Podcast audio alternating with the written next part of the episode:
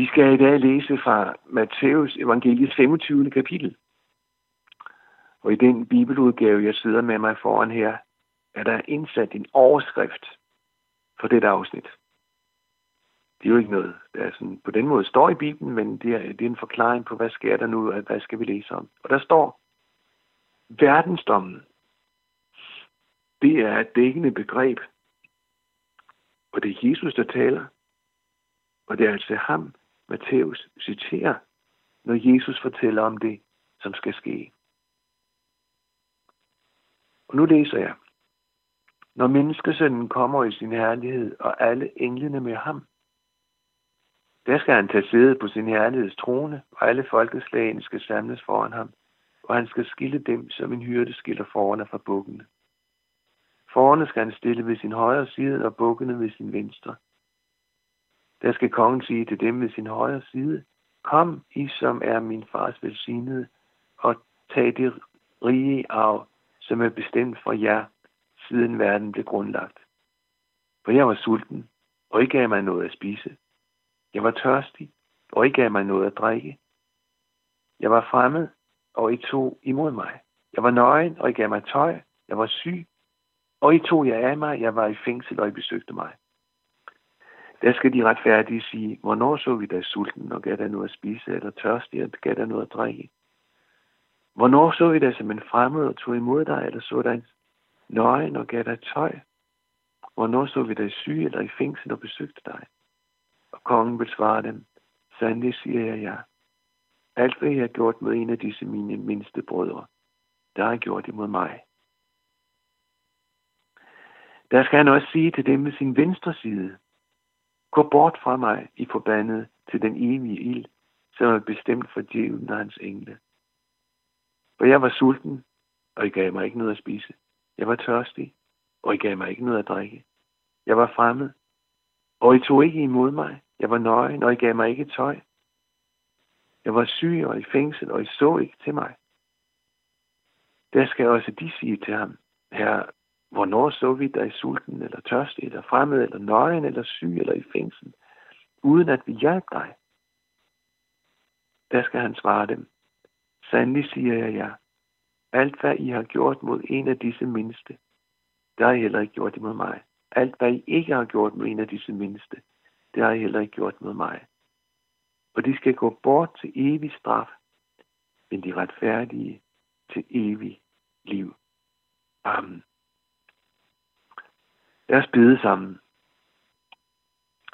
Kære Jesus, vi beder dig nu om at komme til os med din hellige. Forklar os de ting, der tales om i denne forbindelse. For vi ved, at vi en dag er med, når du siger det her. Det sker, og det opfyldes. Hjælp os, Jesus, til at stå på højre side. Hjælp os, så vi skal høre fra din mund, at vi er din fars velsignede, som skal arve det rige, hvor du hører til. Amen. For 16 år siden hørte jeg en gammel prædikant tale om denne tekst. Jeg ved det, fordi jeg gjorde et notat i min bibel ud fra disse vers. Jeg noterede en sætning fra ham. Det var sådan en del af hans disposition.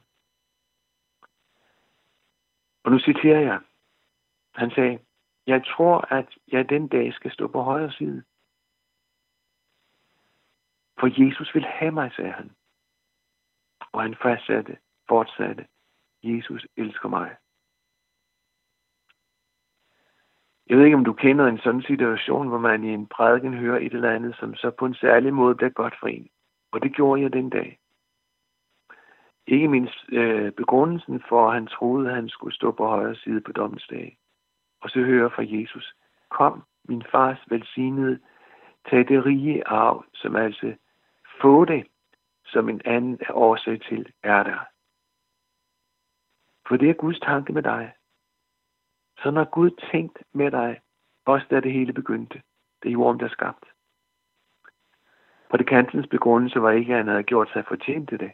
Nej, han troede, at netop han skulle stå på den højre side.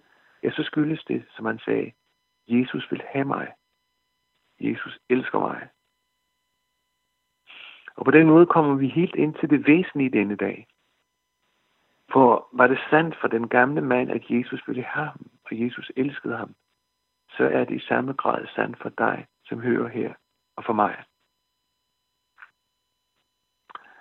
Og så verdensdommen. Der kommer en dag, siger Jesus, hvor alle ting stanser. Eller skal vi sige, alle ting bryder sammen. Så kommer Jesus, og så holder han dom. Alle mennesker skal møde op den dag. Det bliver ikke spurgt, om man vil. Alle skal bare være der. Både dem, som lever den dag Jesus kommer, og alle dem, som ligger i deres grave til den tid. Alle mennesker skal møde deres dommer. Du skal også møde din dommer. Der er jo mennesker, som tror, de kan høre om det her, og så alligevel ikke regne med, at det bliver deres virkelighed. Da jeg var barn, der havde vi om sommeren ofte besøg af en, som jeg kaldte moster. Det var ikke min moster i den forstand, men det var min mors moster. Hun besøgte os i forbindelse med ferierejser. Hun troede ikke på Jesus, hvilket jeg slet ikke forstod den dag. Hvordan verden kunne, menneske, kunne få mennesker til at sige nej til Jesus, ikke sandt? Sådan var min tanke. Men en dag, hvor der blev fortalt, at nu kommer hun i næste uge, så lå jeg på gulvet og legede med biler. Og så hørte jeg, at de voksne talte om noget. De talte om hende. De tror nok ikke, jeg hørte, hvad de sagde, men det gjorde jeg altså. De snakkede om, at nu havde hun, mosteren, der ikke troede på Jesus, besluttet, at når hun døde, så ville hun kremeres. Samtidig, det vidste jeg ikke, hvad var, men af samtalen forstod jeg, at hendes begrundelse var, at blev hun kremeret, når hun døde, så var alt væk. Så var der ikke noget at komme efter. Gud skulle ikke dømme hende, for det hele var væk. Det var selv sagt ikke meningen, at jeg skulle høre det. Men det gjorde jeg altså. Og så vil jeg bare sige i dag, også øh, når jeg tænker tilbage på det, at det er jo ikke et problem for Jesus at kalde dem frem af gravene, som ikke lever, når han kommer. Heller ikke dem, som er kremeret. Og dem, som er druknet og som er forsvundet i haven. Eller dem, som er smuldret væk i grave for mange år, år siden. Det er ikke et problem for Jesus, som er herre over alle ting, og også over liv og død. Han vil kalde alle mennesker frem for sig. Alle skal være med. Og så vil Jesus dømme mennesker. Nogle skal stå på højre side og arve himlen, andre på venstre side og møde Guds dom. Til synligheden så begrunder Jesus dommen med nogle mennesker har gjort og ikke gjort. Og sådan kunne man overfladisk tolke det, Jesus siger i billedet her. Men sådan er virkeligheden ikke. Jesus siger til dem på højre side, kom I, som er min fars velsignelse. Og Jesus fortsætter, jeg var sulten, og I gav mig at spise. Jeg var tørstig, og I gav mig at drikke. Jeg var fremmed, og I tog jer af mig. Jeg var nøgen, jeg var syg, og jeg var i fængsel, og I tog jer af mig. Den på højre side forstår ikke det, Jesus siger på, hvornår har vi set dig sulten, tørstig, eller været fremmed, eller nøgen, eller syg, eller fængslet? Det er helt fremmed for dem, at de med de ting skulle have gjort sig fortjent til at arve det, som Gud havde bestemt for dem. Eller som Jesus kalder dem, nemlig retfærdige. Det kaldes de nemlig også i billedet. Nej, det var noget helt andet grundlæggende i de menneskers liv, som havde betydning. Også betydningen af, at de to sig andre, som havde det vanskeligere, som de kunne hjælpe. De, som havde den grundlæggende betydning i deres liv, det var, og nu er vi fremme med det, som den gamle prædikant sagde, og som jeg citerede før. Jesus vil have mig. Jesus elsker mig. Derfor fik de lov til at stå på højre side af Guds trone den dag. Det var helt fremmed for dem at tænke på den måde, at vi gør det og det. Vi tager os af den og den. For så vil Jesus synes om os. Den på den venstre side til dem siger Gud, gå bort fra mig i forbandet til den evige ild, som er bestemt for djævlen og hans engle. Det er lige mærkt til førigt, at den evige ild var bestemt for djævlen og hans engle. Gud har ikke tænkt på det. Det har ikke tænkt på, at mennesker skulle følge djævlen ind i den virkelighed. Sådan var det ikke fra Guds side. Men der er mennesker, som kommer der. Det er dem, som ikke kom ind i Guds plan med dem, og ikke kom ind i Guds frelsesplan for dem. Det er mennesker, som ikke vil have Jesus som deres frelser. Mennesker, som ikke regner det for noget værd at kende Jesus. Ham, som er den eneste, der kan redde dem foran Guds trone. De mennesker kaldes ikke retfærdige af dommeren, modsat dem, der står på højre side af tronen. For de ejer ikke den retfærdighed, som kræves for det menneske, der skal møde Gud. Og så havde de ikke tænkt på, på mens de endnu var, der var tid til det, at der var mennesker, som trængte til deres hjælp, til en hånd, til et besøg. Hvornår så vi dig syg, eller ensom, eller fremmed, eller sulten? Det at skulle høre det forfærdelige fra kongen, fra dommeren, fra Jesus. Gå bort fra mig i forbandet til den evige ild, som er beredt djævlen hans engle. Det er simpelthen så forfærdeligt. Det er det værste budskab, et menneske nogensinde kan komme til at høre. Og jeg vil sige til dig, at det må ikke gå dig sådan. For det kan holde, til at holde ud at tænke på. Nu skal du prøve at høre ham prædikanten, den gamle mand, som talte over denne tekst for de mange år siden. Han sagde, jeg tror, at jeg skal stå på højre side, fordi Jesus vil have mig, og fordi Jesus elsker mig. Kan du sige det? Kan du sige, Jesus vil have mig? Jesus elsker mig. Nu er det, du hører i dag, jo ikke bare en forpremiere på verdensdommen. For jeg vil gerne give dig en løsning, muligheden, som er en reel mulighed for dig, til at komme godt igennem dit møde med Gud. For det første, Jesus vil have dig. Et sted i Bibelen møder vi det, at Jesus siger, jeg vil. Kan du høre det?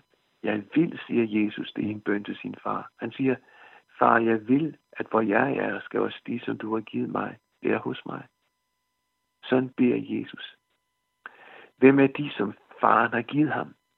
Det er jo dem, som hører denne virkelighed. Det er om dem, Jesus proklamerer. Dem vil jeg gerne være sammen med. Dem vil jeg frelse. Kan du høre det? For det er altså om dig, Jesus siger, at jeg vil være sammen med, og så dit navn.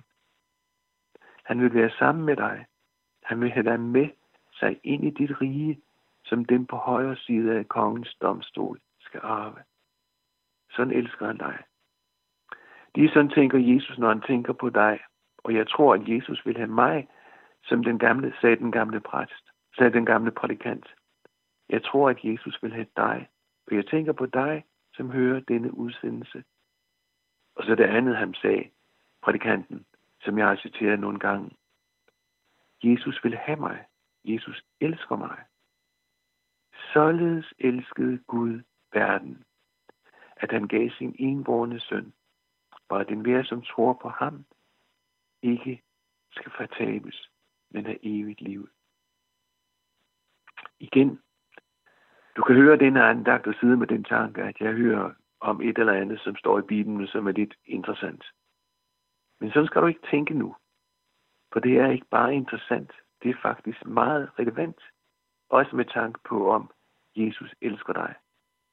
For prøv at høre det. Således elskede Gud verden, eller skal vi sige, således elskede Gud dig. Og så må du have lov til at sige dit navn. Således elskede Gud dig, at han gav sin enborne søn. Han gav Jesus. Og så kan vi tilføje her, sådan som det fortælles om i forbindelse med den lille bibel, at Gud gav Jesus hen til døden på et kors. Og der tog Jesus alt det forkerte i dit liv og i mit liv, og gik ind i møde med dommen. Den dom, som vi retligt skulle møde. Det gjorde Jesus. Sådan elskede Jesus dig, så han døde på et kors. Han døde for din skyld. Derfor kan jeg sige til dig, at Jesus elsker dig. Han elsker dig, fordi han vil være sammen med dig. Han elsker dig, for at du skal komme godt fra mødet med kongen. Og ved du hvad? Det må du have lov til at tro. Og den, der tror det, ejer denne virkelighed. Amen.